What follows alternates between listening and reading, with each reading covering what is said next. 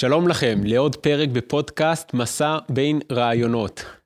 להתארגנויות של חברה אזרחית ישנן תפקיד חשוב ורב ערך בחברה דמוקרטית, ובפרט בזו הישראלית, כי היא בעצם נותנת את הכל לכלל העם ולמגוון הקהילות והקבוצות שמרכיבות אותו. הצורך הזה הוא חורג מעבר להבנה המקובלת כיום אה, גם בקרב הציבור הרחב וגם בקרב האקטיביסט, האקטיביסטים ושאר ארגוני החברה האזרחית שמקדמים אה, רעיונות שמרניים, חברה אזרחית שפעילה ותוססת אינה יכולה להסתכם בארגונים הפועלים למען שינוי מדיניות אה, בלבד. יש לה עוד תפקיד, והתפקיד הוא חשוב.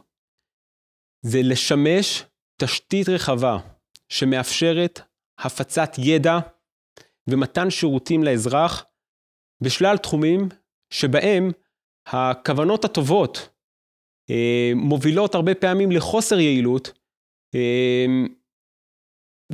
ולעוול לאזרח, כמו למשל אה, חשיפת מהלכי משפט והוצאת הצדק לאור. ולכן, היום נארח אדם שהקים ממש מכלום פרויקט שמטרתו לחשוף את כשלי מערכת המשפט. מושי קוברסקי, ממקימי פרויקט 315, שלום. שלום, שמעון. כבר נדבר על הפרויקט אה, של 315, מה זה ולמה הוא קם, אבל לפני זה הייתי שמח אה, לפתוח איתך, אהבתי שאתה מגדיר את עצמך אה, בטוויטר, אוהב את עמו וארצו. כן, זה נכון. מאיפה זה?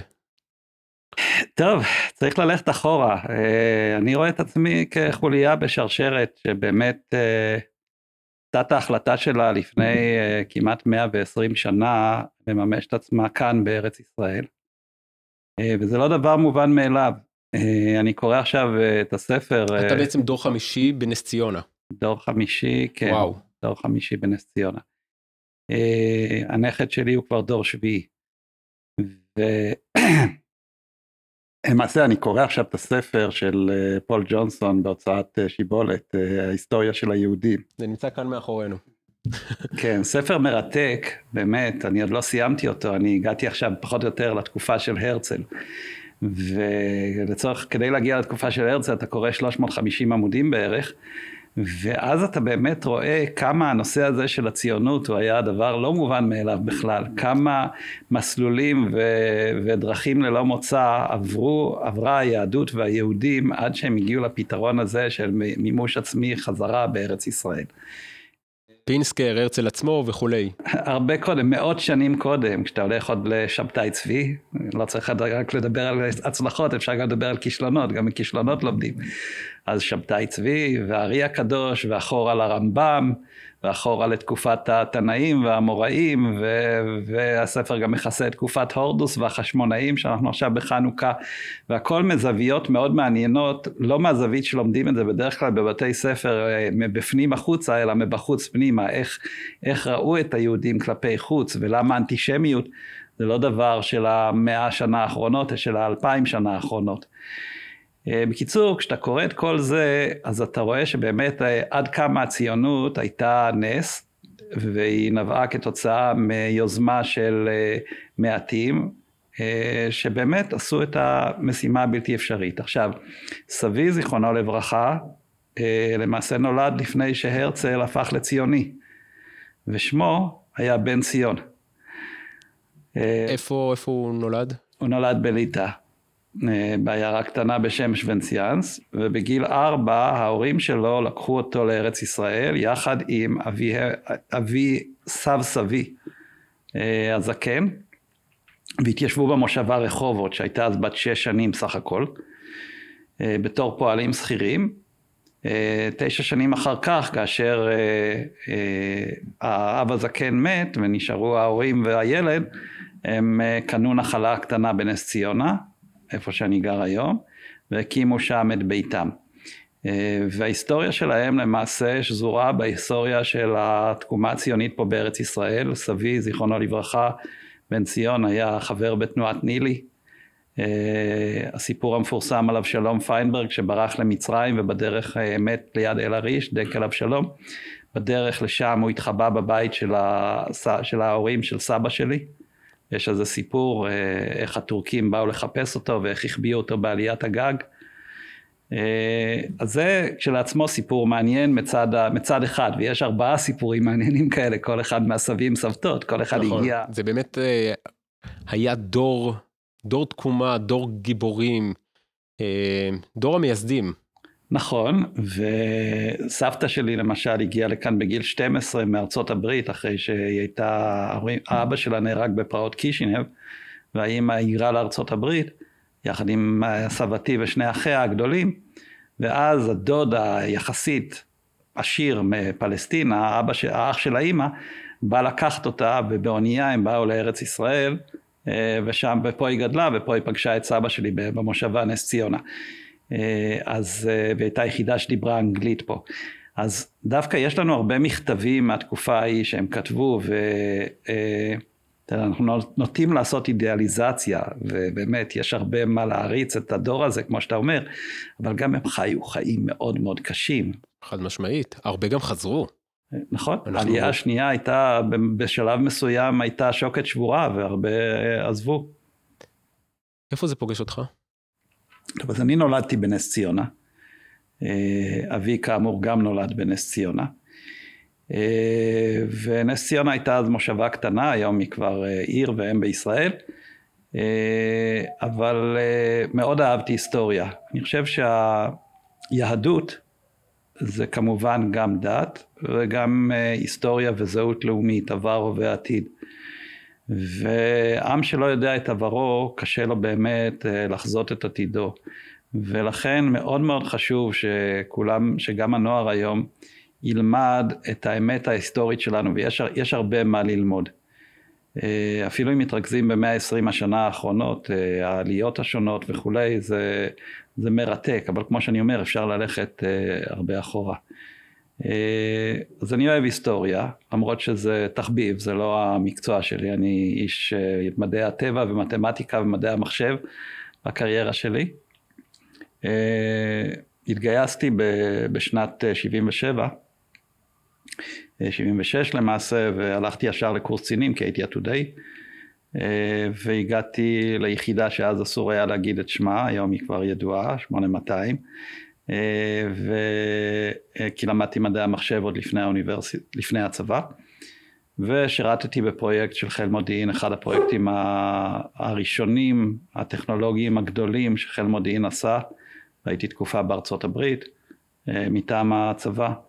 ואז חזרתי לארץ, זו הייתה תקופת תקיפת הכור בעיראק ומבצע שלום הגליל, והיינו מעורבים לא מעט בפעילות שסייעה אז לחיל האוויר, להשיג באמת הישגים יוצאי דופן. Uh, וזהו, ומשם המשכתי במסלול של הייטק. Uh... זה, היום אתה באמת, uh, uh, אתה אומר, אתה רואה את עצמך כחלק משרשרת הדורות ההיסטורית של העם היהודי ושל ההתפתחות הציונית במאות האחרונות. מה שאותי תפס זה באמת, אה, כמו שהתחלת לתאר, המסלול שלך הוא מסלול של קריירה, הייטק, אה, איש מודיעין, ובשנים האחרונות פשוט מכלום הקמת עם עוד כמה חברים פרויקט אזרחי לחלוטין, בלי שום כלי תקשורת מאחורי זה, שנקרא פרויקט 315, שמה הוא? כן, אנחנו, קודם כל ניתן את הקרדיט למי שהקים את הפרויקט ובאמת היזם הראשי שלו זה גיא לוי, שהוא גם אה, פעיל חברתי ו... איש יקר ופעיל, מאוד.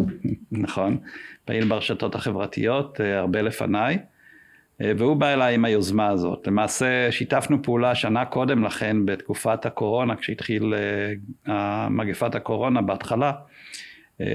עבדנו ביחד עם עוד מישהי לייצר חומר שמראה באמת איך ישראל מתפקדת בזמן הקורונה יחסית למדינות אחרות בעולם וכך הכרנו ועבדנו יחד אה, ושנה אחר כך בחודש אפריל 2021 כלומר לפני כשנה וחצי אה, הוא פנה אליי ואמר תשמע אני הסתכלתי על כתב האישום הסתכלתי על הנספח, אותו נספח, נספח מפורסם שנוסף. כתב אישום של נתניהו. כן, כתב האישום בתיקי האלפים. אה, כתב האישום של נתניהו שהופך היום יותר לכתב האישום של הפרקליטות. אה, וכתב האישום הזה עודכן על ידי הפרקליטות לבקשת בית המשפט בתחילת 2021 ונוסף לו נספח שהכיל 315 סעיפים, מפה השם. 315 סעיפים. אה, סעיפים שלכאורה מראים מה המתת שנתניהו קיבל משאול אלוביץ' תמורת התמורה שלכאורה הוא נתן לו. אה, המתת זה היה אה, היענות חריגה לדרישות סיקור באתר וואלה, ופורטו שם 300 315 מקרים. וגיא התחיל לעבור על המקרים האלה, כי הוא התעניין במשפט עוד קודם, הוא כתב עליו פוסטים ארוכים שנקראו תיקי נתניהו נפרמים. וכשהוא התחיל לעבור עליהם הוא גילה שבאמת חלק מהדברים שם הם אה, בנאליים, הם דברים שנשלחו לכל מערכות העיתונים ואין סיבה לכלול אותם דווקא ב, כמשהו שהוא מיוחד שעשו למען נתניהו. והוא החליט שהוא רוצה לעבור על כל אותם 315 סעיפים ולצורך זה צריך לרכז צוות מתנדבים, לתת משימות כי זה המון עבודה. אז הוא פנה אליי שאני אעזור לו לארגן את זה. ואנחנו צירפנו עוד אה, שני אנשים יקרים לצוות, את דוקטור עדי סאבו ואת משה מלן, וביחד יצאנו לדרך. הפעלנו חבורה גדולה של כמעט 100 מתנדבים, חילקנו ביניהם את המשימות, נתנו להם טמפלט שהם יוכלו לכתוב לפי זה את המחקר שלהם על כל סעיף וסעיף. שנבין, לא צריך להיות משפטן כדי לדעת אם אה, דבר מסוים שכתוב, כתבה מסוימת הורדה מהאתר לאחר דרישה של נתניהו, אבל הכתבה נמצאת שם עד היום, אז אה, אתה מבין שזה לא בסדר, זאת אומרת שמה שכתוב זה לא נכון. או שכתוב שהיענות חריגה זה שפורסם על ביקור אה, ראש ממשלת יפן בישראל, כאשר כל האתרים דיווחו על זה באותו יום, אז ברור שזאת הודעת דובר שגרתית. שנשלחה לכולם, וזה פשוט לא, לא סביר שיכללו את זה כמתת, במתת שוחד, כן. שוחד, שוחד, זה, זה עבירה של עשר שנות מאסר. כן. אז uh, התחלנו לעבור על זה, ומן הון להון זה התפתח ליותר, עברנו לנושאים אחרים, עברנו לכל התמורה שלכאורה נתניהו נתן. אז היו אנשים טובים שעבדו על זה לפנינו, כמו אלי ציפורי העיתונאי ואבי וייס, ניצב משנה בדימוס אבי וייס, שהוא אלוף במציאת מסמכים, אבל הם היו במידה רבה קולות שנתפסו בציבור כקולות, אה, אני את זה? שוליים, שוליים, שוליים קונספ... על גבול הקונספירטורים. בדיוק, הגדירו אותם כקונספירטורים, שזה באמת עשה להם עוול נורא, מכיוון שהם באמת הלכו עובדתית וניתחו דברים, מה שהמתנגדים שלהם לא עשו. אנחנו באנו, מה שנקרא בבחינת חיל הפרשים, לתת סיוע, בייחוד בקטע של ההנגשה לציבור, כי הבנו שחלק גדול מהמאבק זה באמת לעשות את זה פשוט מספיק שציבור גדול י, יקרא את זה וידע. ואז התחיל מיזם נוסף שהתחבר עם המיזם שלנו, וזה המיזם של עורך דין כנרת בראשי, האולפן הפתוח, שזה באמת אה, סוג של פריצת דרך, מכיוון ש... המהפכה, ההפיכה הזאת, ההפיכה השלטונית שהתבצעה פה בשבע השנים האחרונות, אנחנו אומרים שהיא נעשתה באמצעים משפטיים ותקשורתיים. הפיכה ליגלית. הפיכה, שלטונית באמצעים משפטיים ותקשורתיים, זה, ה, זה הברנד ניים שנתנו לזה, וכתבתי על זה גם מאמר במידה של 30 נקודות שמתארים אותה שלב אחרי שלב. אבל הדגש פה על התקשורתיים, זאת אומרת היה פה סימביוזה לא מפוארת בין עולם המשפט ועולם התקשורת. אנחנו רואים את זה עד היום, את ההדלפות, את העובדה שמאמרים נכתבים בעיתון כדי שהפרקליטים ירוצו ויחקרו. והיה נחוץ ערוץ תקשורת אלטרנטיבי שיביא לציבור את כל המידע, ואת הכפפה הזאת הרימה הכנרת, שהקימה יחד עם אלי ועם אבי את האולפן. ואנחנו באופן טבעי התחברנו לזה כמה שנקרא צוות אה, מסייע ו... אה, עוד רקע עובדתי והנגשה. אני תוהה איך נוצר ההפיכה הזאת, קשר ההדחה הזאת, הסימביוזה, כמו שאתה אה, מתאר, בין התקשורת לפרקליטות. כי יש בזה משהו קונספירטיבי. זאת אומרת, הרי זה לא שהם יושבים באיזה חדר חשוך, במקום סודי, ומתכננים איך אה, אה, להפיל כאן ראש ממשלה. אה, מה הדינמיקה? יש כאן כמה ערוצים. שמשתלבים. אה, יש את הערוץ שאי אפשר להכחיש אותו, של אה, ימין-שמאל, או נייחים נגד ניידים, או ישראל ראשונה נגד ישראל שנייה, כל אחד עם ההגדרות שלו, בטח ראיינת חלק מהם אז אתה יודע, אבל זה ערוץ אחד, אבל הוא לא היחידי. יש גם ערוץ של שמירת הכוח. מערכת עובדת על בסיס של שמירת כוח. אם זה מערכת המשפט, אם זה מערכת התקשורת. אנחנו עוד זוכרים את הלמנטציה של אה, רזי ברקאי על הרשתות החברתיות, שזה היום נשמע די, אה, די אה, פתטי, כן? שמה הוא אמר? שהוא לא מבין איך נותנים לכל אחד להביע את דעתו, כאילו זה לא ברור, הרי זה צריך להיות נחלתם של באמת הרזי ברקאים של העולם, שיושבים עם המיקרופון שנים על שנים ומטיפים את מרכולתם. אה, הרשתות החברתיות אה, פרצו, כל אחד יכול להיות אה, צייצן, ומי שמספק תוכן טוב, שאנשים אוהבים לעקוב אחריו, אז הוא גם נעשה צייצן מוביל. כמוך למשל. כן. כן, אבל אני, אני עושה את זה באמת. כשהגעתי לשלב הזה בחיי, אני לא עושה את זה בשביל התהילה ולא בשביל הפרסום. אני עושה את זה כי אני חושב שהדעות שאני מפיץ הן דעות חשובות שיגיעו לידיעת כמה שיותר אנשים. אז מבחינת הדעות, אני אישית, אני לא יודע כמה זה קשור לימין ושמאל, כמה זה קשור לנייחים ניידים, ישראל הראשונה, ישראל השנייה, כי בסופו של דבר, אם נבחן, יש בכלא אולמרט, ימין, שמאל, דנקנר, דרעי, דתיים, חילונים. אני ממש נוטה למה שאמרת אה, בחלק השני של דבריך, שזה שימור הכוח. זאת אומרת, יש פרקליטים צעירים שרוצים שעל החגורה שלהם יהיה גולגולת. אני הכנסתי את ראש הממשלה X לכלא. זה, זה, זה, זה סטטוס, זה, זה להתקבל במיליה שלהם, זה נותן להם אה, הרגשה שהם אה, פרקליטים מבריקים, כך שאני לא יודע כמה זה קשור לימין ושמאל, אולי תקן אותי, אבל זה יותר שימור הכוח. אבל איפה זה מתחבר, שתי התזות האלה? כי ב-2015, כאשר היינו במצב קצת דומה למה שאנחנו היום, מבחינת אה, ניצחון גדול בלתי צפוי של הימין, חשבנו שהוא גדול, לא ידענו שיהיו לנו במחנה כמה אנשים שלא יאפשרו לו להיות גדול, אנחנו יודעים למי אנחנו מתכוונים, אה, אבל השמאל מאוד חשש אחרי בחירות 2015, זה היה הלם גדול. מזכיר לך שיום... כי זה לראשונה שהימין ניצח פשוט בלי עזרת התקשורת. רצו על הגל הזה של אנחנו נגד התקשורת, וזה מה שבסופו של דבר הניע את האנשים לקלפיות. נכון, וגם, אני אזכיר לך שכמה ימים לפני הבחירות של 2015, הסקרים הראו 30 מנדטים למחנה הציוני, 24 לליכוד, התוצאה הסופית הייתה הפוכה. זאת אומרת, היה פה הלם, וההלם הזה התרגם לפחד. זאת אומרת, הייתה, היה חשש שנתניהו הולך באמת לשנות סדרי בראשית, הן בתקשורת והן במערכת המשפט, ייעוץ משפטי, פרקליטות וכולי. והפחד הזה הוליך תגובה. אנחנו, אני לא, חבל שאני אפרט, מי שיכתוב מידה, הפיכה שלטונית, יחבר את המאמר שלי באתר מידה, שהוא מאמר של שלושת אלפים מילה, ששם שלב אחרי שלב מתואר, היו שם אירועים ספציפיים, חלקם התחילו במערכות עיתונים, במאמרים מכוננים כמו המאמר של גידי וייץ מאוקטובר 2015, כמו שנה אחר כך התחקיר של רביב דרוקר בנושא הצוללות, כן?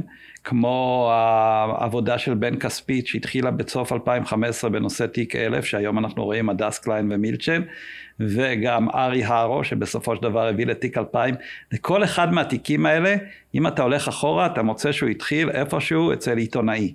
ומשם זה עבר לחדרי החקירות, כאשר אנחנו יודעים מה הייתה התגובה הראשונה של היועץ המשפטי מנדלבליט כשהביאו לו את זה. הוא אמר, הביאו לי ערימה של זוטי דברים, וביקשו ממני ל... אבל גם הוא למעשה נלכד במערכת, ויעידו על כך מילותיו שהוא, הרי הוא אמר. כן.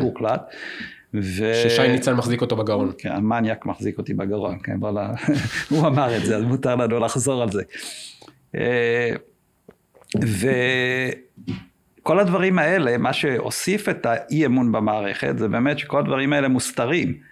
זאת אומרת, כל הצווי איסור פרסום למיניהם, איפה שזה נוח, ומצד שני לקחת את הפרטיות של אנשים אחרים ו, ולמרוח אותה בשער בית רבים בלי בכלל אה, לחשוב פעמיים שהם עושים.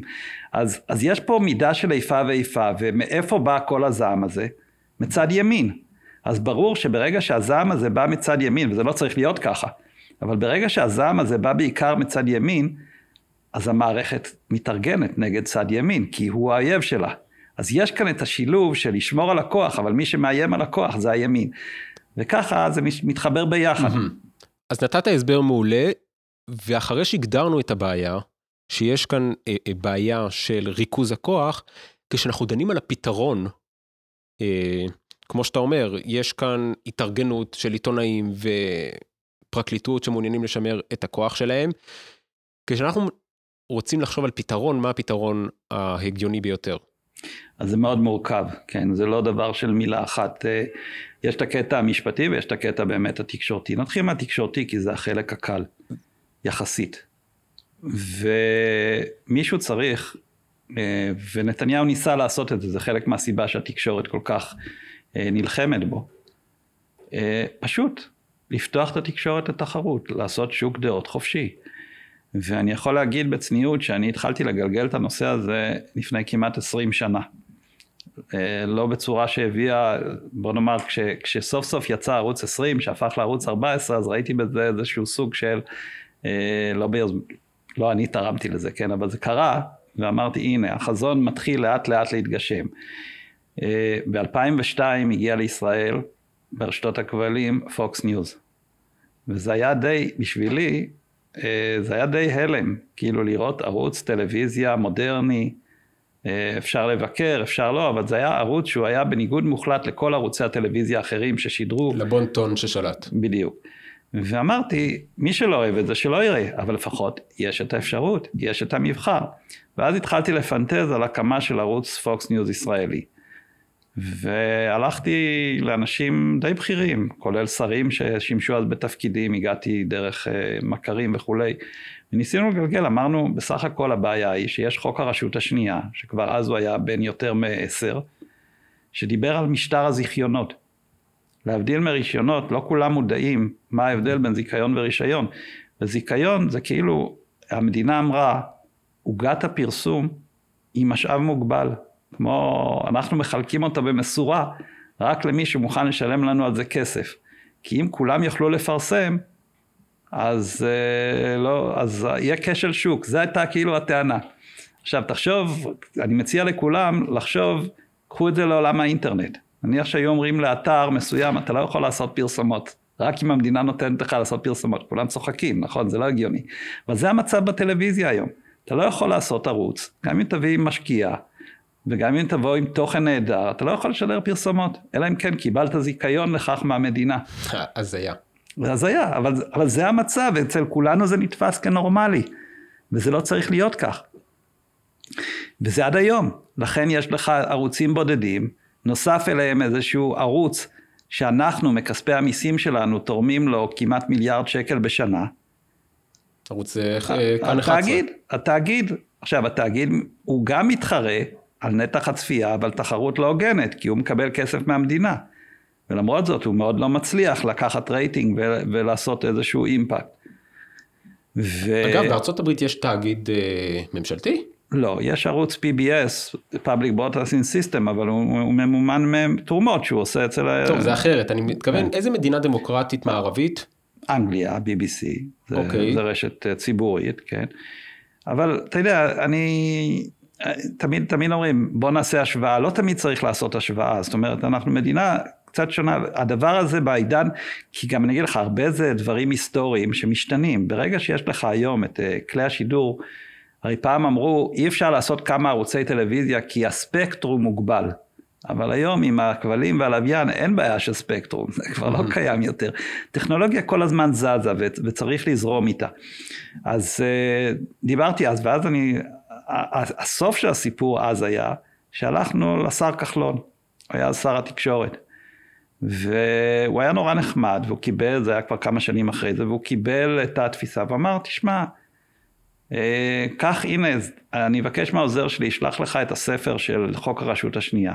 תסמנו מה אתם חושבים צריך לשנות ונדבר על זה. אז קיבלתי את הספר, אם הוא נופל לך על הרגל הוא שובר אותה, כי הוא באמת ספר עב כרס, החוק הזה. רובו לא רלוונטי היום כמובן. ואמרתי, אבל אני לא עורך דין, אני אלך לחבר טוב עורך דין שמתמצא בשוק התקשורת, ואני אדבר איתו ואשאל אותו, יוסי, אה, תעזור לי, אתה בדעות שלי, ואתה עורך דין מעולה, ומכיר את שוק התקשורת, מה אנחנו משנים פה בזה? אמר, אין בעיה, לקח את זה, אחרי יומיים הוא מתקשר ואומר לי, משה, אני עוד רוצה לעבוד בשוק הזה. ובכך נגמר העניין. זאת אומרת, יש משטר של פחד, וזאת גם הסיבה שפוליטיקאים פוחדים מערוצי התקשורת הקיימים. עכשיו הפחד הזה הולך ויורד בגלל הרשתות. נתניהו הראה את זה, איך הוא נבחר בבחירות האחרונות מבלי ללכת פעם אחת לאולפנים, זה תקדים. כן. וזה נובע מכך שהוא למעשה פתח ערוץ תקשורת משלו.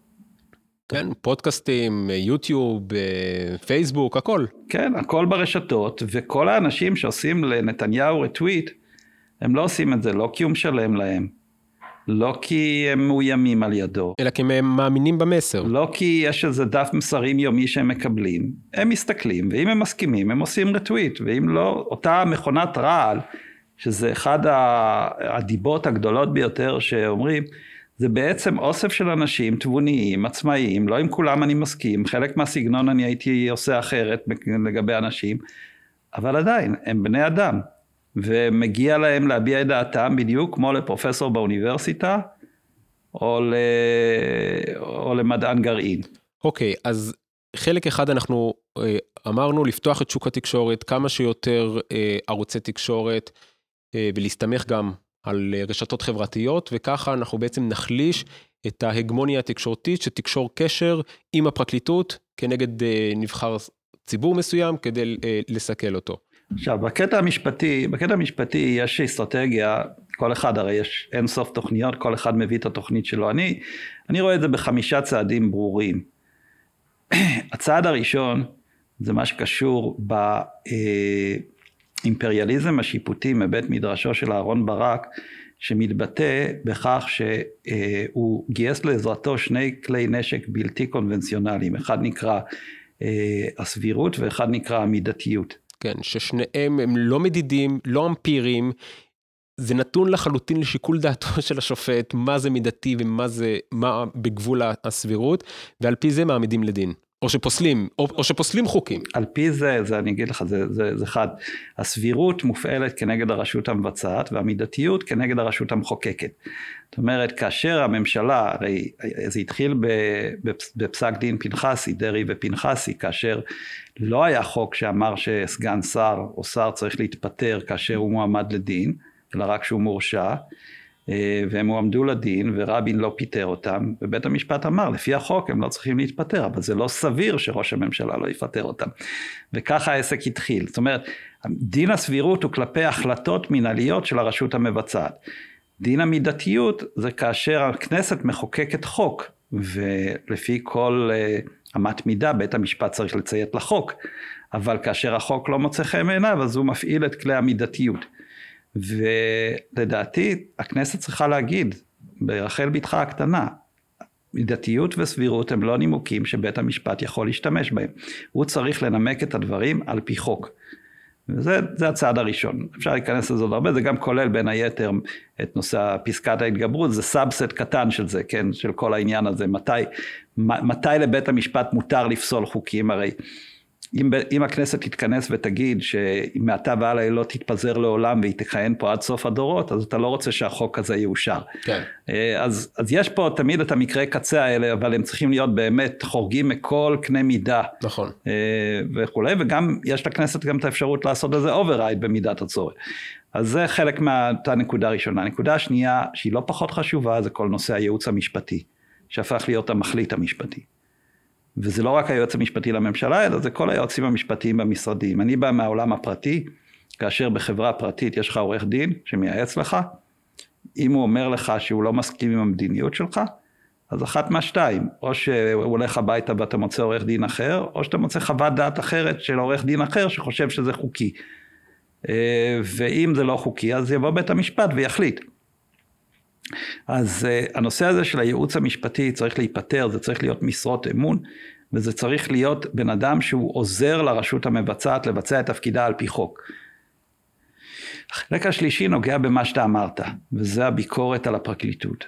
הביקורת על הפרקליטות uh, צריכה להיות uh, כמו שמח"ש הייתה צריכה להיות על המשטרה, וכפי ששמענו מידידנו משה סעדה, מח"ש סורסה, אבל uh, מח"ש בתפקוד רגיל צריכה להשגיח על המשטרה, צריך שיהיה גם מח"פ שישגיח על הפרקליטות. כמו שקורה ב- בכל גוף, כמו הצבא, יש את הפרקליטות הצבאית. נכון, נכון, ו, ויש לנו מצב פה שבאמת, תמיד כשאתה אומר, מעולם לא עמד פרקליט על עבירה שהוא עשה, אז תמיד מביאים לך את השם, ליאור אגלד ברקוביץ', לפני עשרים שנה, כן, שהדליף הכתבה, אבל לא, אבל נעשים דברים הרבה יותר גרועים, אנחנו עדים לזה במשפט נתניהו, כל החקירות הבלתי חוקיות שנעשו לעדים, כולל אה, עינויים פיזיים ותרגילים אה, לא חוקיים בחקירה, שנעשו בליווי של פרקליטות צמוד, שפרקליטים ישבו בחדר ליד וראו את כל הדברים האלה.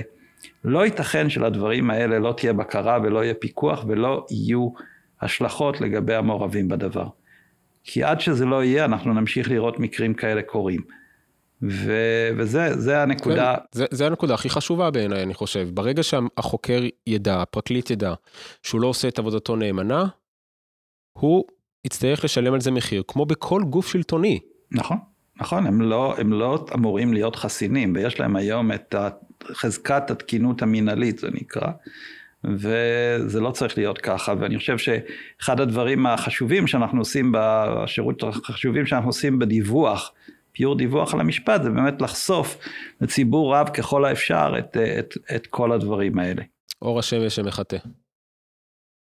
צעד אה, רביעי. הדבר הרביעי זה כל נושא אה, הבג"ץ, כן, ודווקא הבג"ץ, גם, גם זכות העמידה בפני בג"ץ, וגם העובדה שידידתי פרופסור טליה איינהורן, שהיא גם חלק מהצוות שלנו באולפן הפתוח. פרופסור ו... למשפט חוקתי. היא פרופסור למשפט חוקתי השוואתי. זאת אומרת, היא, היא באמת, היא יכלה לתת לך סקירה מקיפה על כל מה שקורה בכל מדינה בתחומים האלה.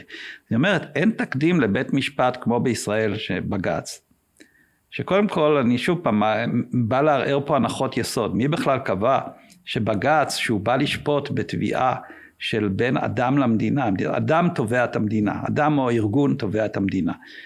למה זה צריך להיות מאוחד עם בית המשפט העליון שהוא סמכות שלישית בערעורים על כל פסק דין כולל סגירת מרפסת. זאת אומרת בסופו של דבר זה יכול להגיע לעליון וזה, וזה לא חייב למציאות שזה יהיה בדיוק אותו הרכב כי צריך פה כישורים אחרים.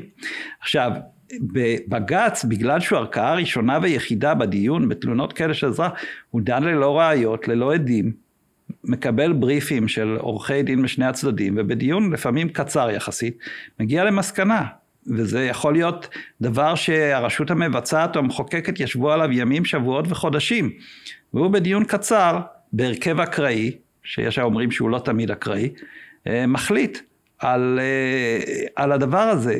וראינו את זה בפסק דין עמונה למשל, שאחר כך כשהנושא הגיע לבית דין אזרחי, לתביעה אזרחית, ונדרשה הצגת ראיות, הסתבר שאם אותן ראיות היו מוצגות בשעתו בבית המשפט העליון, בבג"ץ, אז אולי התמונה הייתה אחרת, אבל אין מקום שם להציג ראיות.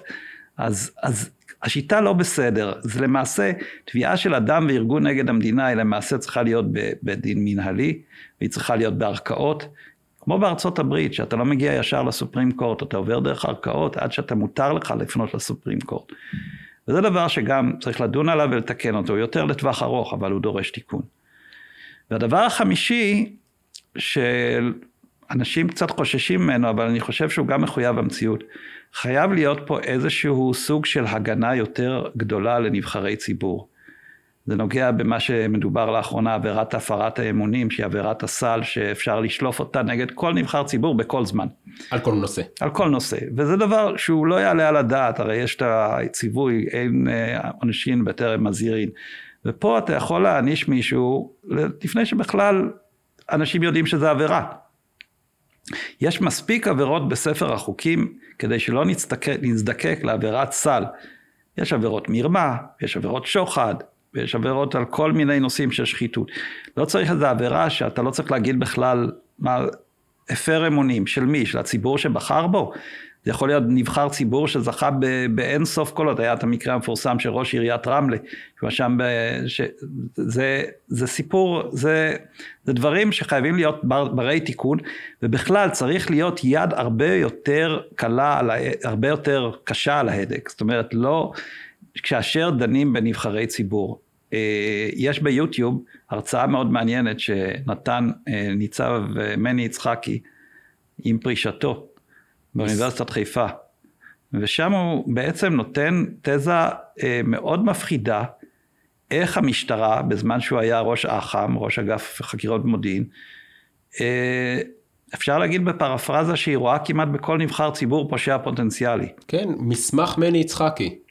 קשור, זה אותו בן אדם, אבל שם הוא גם מביע את דעתו, אחרי שהוא פרש, והוא מסביר איך המשטרה מפעילה כל מיני אמצעי מודיעין, כולל סייבר, כן? אנחנו שמענו על זה לאחרונה, אה, כדי לאסוף מידע על נבחרי ציבור, וכאשר מצטבר מספיק חומר, הולכים לבית המשפט ומקבלים סעד שיפוטי לעניין. זאת אומרת, העולם הפוך. קודם אנחנו מוצאים מידע על אנשים ללא התערבות שיפוטית, ואז אנחנו הולכים ומכשירים את זה בדיעבד. זה לא צריך להיות ככה. והתוצאה העגומה של זה, זה שיש לנו נבחרי ציבור לפעמים מפוחדים. בצדק. כן. והם פוחדים לעשות את הפעולות שהן חיוניות לצורך uh, תיקון כל העוולות האלה. אז גם זאת נקודה שצריך לפתור, ויש פתרונות. אוקיי, okay, אז, אז נתנו כאן uh, חמישה צעדים ככה בנאצ'ל uh, לתיקון מערכת המשפט. מה מביא בן אדם ככה, פשוט לבוא, לא- הייטק, ועוד לא עורך דין. ועוד לא עורך דין, uh, להתעסק ולחשוף ולראות איך ניתן לתקן את המערכת? רק שיקול אחד, אני רוצה שתהיה לנו מדינה טובה יותר. תראה, זה בסופו של דבר משפיע על כל אחד ואחת מאיתנו. ואני אתן דוגמה, יש לנו למשל, אני נכנסתי בין היתר לנושא הגז. נושא הגז זה נושא שבאמת מגיע פה מילה טובה, אם לא ראיינת אותו, אני ממליץ לך מאוד, דוקטור יובל שטייניץ. פניתי אליו. והוא, והוא עוד יבוא. אה, כן, אז אה, יובל כתב ספר נהדר, הקרב על הגז. וכשקראתי את הספר הזה, זה, זה היה פשוט ספר, ספר מאלף, מומלץ לכולם, אני גם, אפשר גם להקשיב לו, הוא נמצא באפליקציית עברית בגרסת שמע, שיובל עצמו קורא אותו. וזה ספר, אה, קודם כל הוא מצחיק, הוא מספר את כל הדברים שהוא עבר מאז שהוא נכנס לתחום הזה, בעשור האחרון. והיום אני חושב שאף אחד שעיניו בראשו, אני לא מדבר על קומץ הזויים שעוד צועק שוד הגז, שוד הגז. היום כשאנחנו רואים את הברוך הגדול שאירופה נמצאת בו בנושא האנרגיה, וכמה אנחנו מפונקים, ויש לנו פה, לא רק לנו, אלא גם לייצא. מה זה ברוך? זה ברמה של פגיעה בביטחון הלאומי שלהם כבר. לגמרי, לגמרי. עכשיו, הם עשו הרבה דברים מוטעים, אבל אנחנו גם היינו בדרך לעשות דברים מוטעים. אם יובל, לא היה, יובל ב, כמובן בגיבוי מלא של נתניהו, אם לא היו עושים פה דברים כל כך שנראו בשעתו לא פופולריים, בשתי פאזות, הפאזה הראשונה זה בוועדת ששינסקי ובשינוי עם כל מבנה המיסוי והתמלוגים וקרן העושר שהיא מתמלאת היום בצורה פנטסטית, אנשים לא מודעים לזה. ממש במיליוני דולרים. מיליארדי. מיליארדי דולרים. מיליארד, מיליארדי דולרים. עכשיו, אז יש את זה, והפאזה השנייה היותר מעניינת ויותר קשה היה מתווה הגז כשהוא חזר להיות שר האנרגיה בשנת 2015. וזה באמת היה נגד מסלול שלם של, של אה, רגולטורים. הוא מתאר שם את פגישת ועד הרגולטורים, כשהוא נכנס לתפקידו כשר האנרגיה, הוא אסף את כל הרגולטורים הרלוונטיים לחדר, אני זוכר, הוא סיפר. ישבו שם 30 אנשים. הוא סיפר לי את זה פעם, הוא, זה, זה היה פשוט מחזה גרוטסקי לראות איך שנבחר ציבור אה, ככה ידיו כבולות, והוא לא מצליח מול כל הרגולציה, ואיך שהוא מספר, איך שהוא אה, אסף את כולם, הציב להם אולטימטום.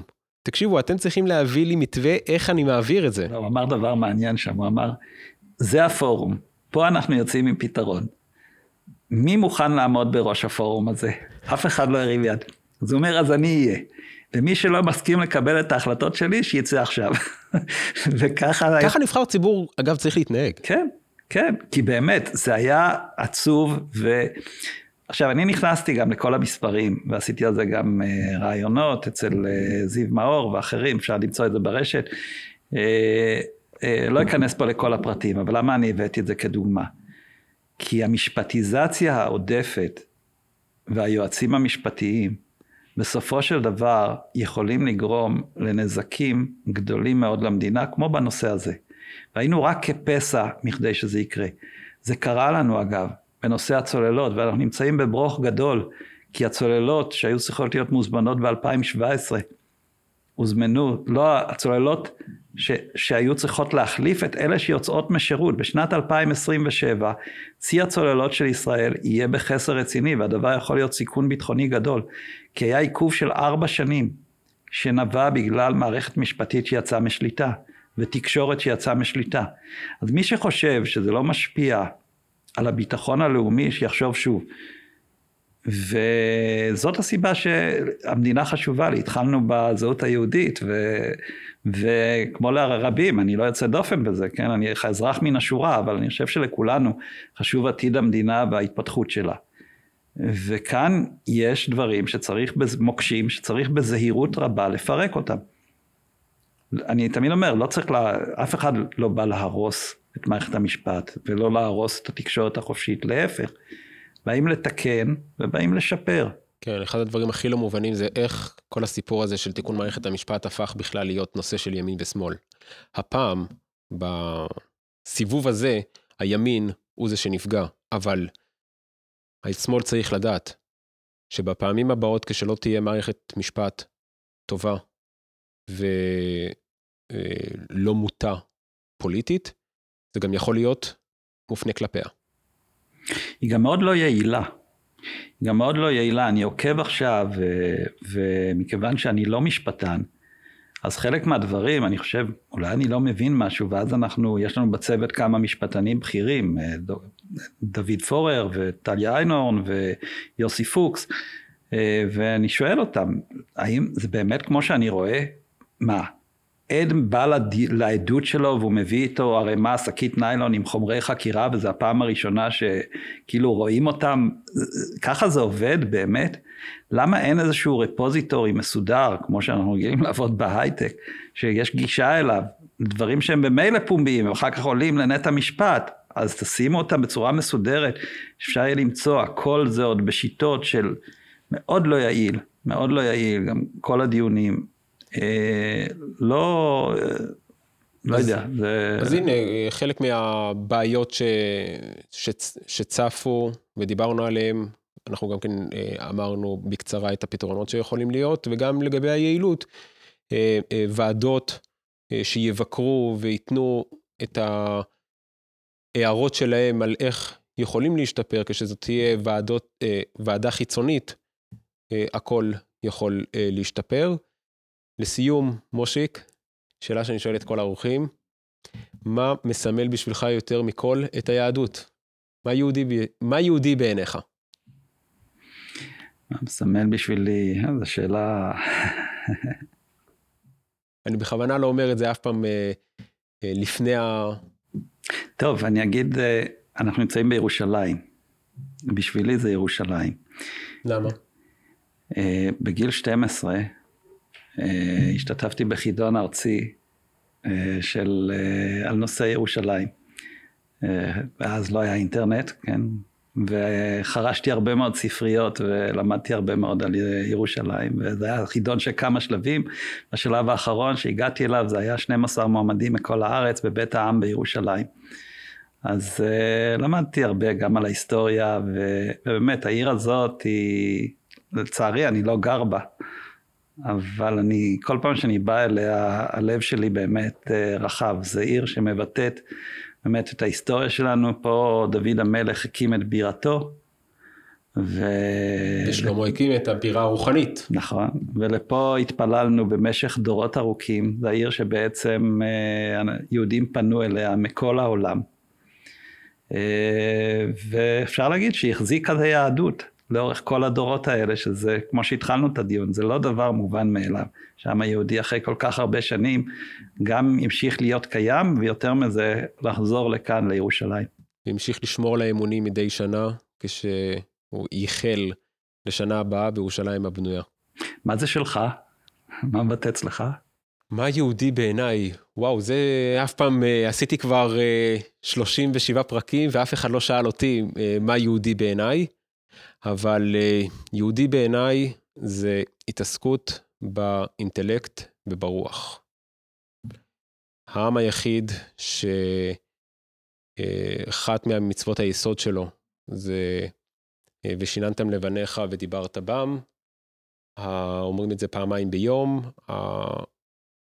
הקריאה, קרוא וכתוב, במהלך כל ההיסטוריה, בכל הגלויות, העם היהודי הוא העם היחיד שגם בסביבה אנאלפביתית הוא קידש את האינטלקט, הוא קידש את הרוח, הוא קידש את הקרוא וכתוב, ותמיד, תמיד הוא השכיל לעשות את זה בשילוב עם התעסקות בחומר ומתוך התכתבות עם הסביבה שלו. ובעיניי זה הכי יהודי, ההתעסקות ברוח ובאינטלקט. בהחלט אה, ראוי, תשובה ראויה. מושי קוברסקי, תודה רבה שבאת. תודה רבה, שמעון. את הפרק הזה, יחד עם שאר הפרקים, תוכלו למצוא בערוץ היוטיוב ובכל אפליקציות השמע להאזנה. אני רוצה להודות לכם, המאזינים, על המשובים שאתם שולחים. ואם יש לכם הערות לשימור או לשיפור, אתם מוזמנים ליצור קשר בדף הפייסבוק, בטלגרם ובטוויטר של פודקאסט מסע בין רעיונות. אשמח להזמין אתכם לעשות מנוי לערוץ ולדרג אותנו באפליקציות השונות. יחד נגדיל את קהילת המאזינים ונעשה את ישראל למקום טוב יותר.